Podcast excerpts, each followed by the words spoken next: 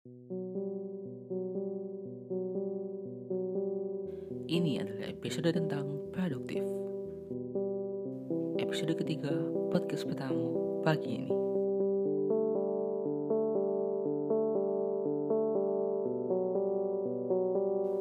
Pernahkah kamu berada pada masa kamu sibuk tapi tidak menghasilkan apa-apa?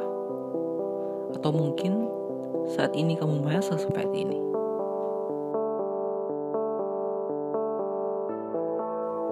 Aku menyebut state atau keadaan ini sebagai productive atau produktif yang kehilangan bagian pentingnya.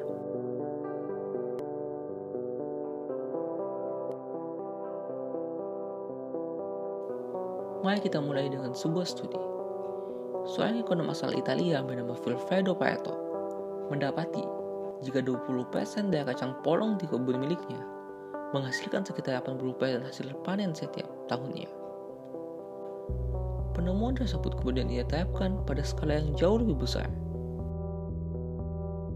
Sekitar 20% total populasi di Italia menerima 80% dari total pendapatan secara keseluruhan. Kemudian dibuatlah sebuah prediksi bahwa 20% penyebab dapat mendatangkan 80% hasil. 20% input menghasilkan 80% output. Dan 80% input sisanya hanya menghasilkan 20% output. Prinsip ini kemudian dikenal sebagai aturan 80-20 atau prinsip Pareto. Prinsip ini dikenal akurat untuk menjelaskan berbagai macam peristiwa, termasuk untuk kegiatan harian atau daily activity-mu. 80% hasil yang kamu dapat setiap harinya hanya datang dari 20% kegiatan.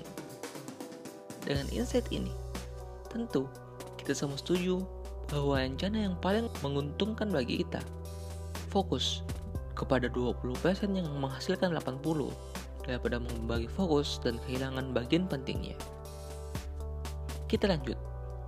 Bagaimana kita bisa menerapkannya dalam kegiatan kita agar menjadi lebih produktif? Jika kamu memiliki 10 jadwal, besar kemungkinan bahwa hanya dua dari jadwal tersebut yang berperan penting dalam keseharianmu. Karenanya, kamu bisa menyingkirkan atau setidaknya menguasai jadwal yang kamu punya dan fokus kepada 20% yang paling penting. Sebenarnya, kita juga bisa mengaplikasikannya ke bidang lain, seperti marketing, bahwa 80% keuntungan yang kamu terima datang dari 20% produk yang kamu miliki. Juga bidang lain seperti kesehatan, olahraga, hubungan sosial, dan lain sebagainya. Namun perlu diingat bahwa prinsip ini bukanlah ilmu alam yang sudah pasti kebenarannya. Prinsip Pareto hanyalah menjelaskan bahwa segala hal di dunia sebenarnya tidaklah terdistribusi secara merata. Satu tambah satu tidak selalu menghasilkan dua. Dua dibagi dua tidak selalu menghasilkan satu. Karena dua bisa saja menghasilkan delapan. Saya Muhammad Afles Budi.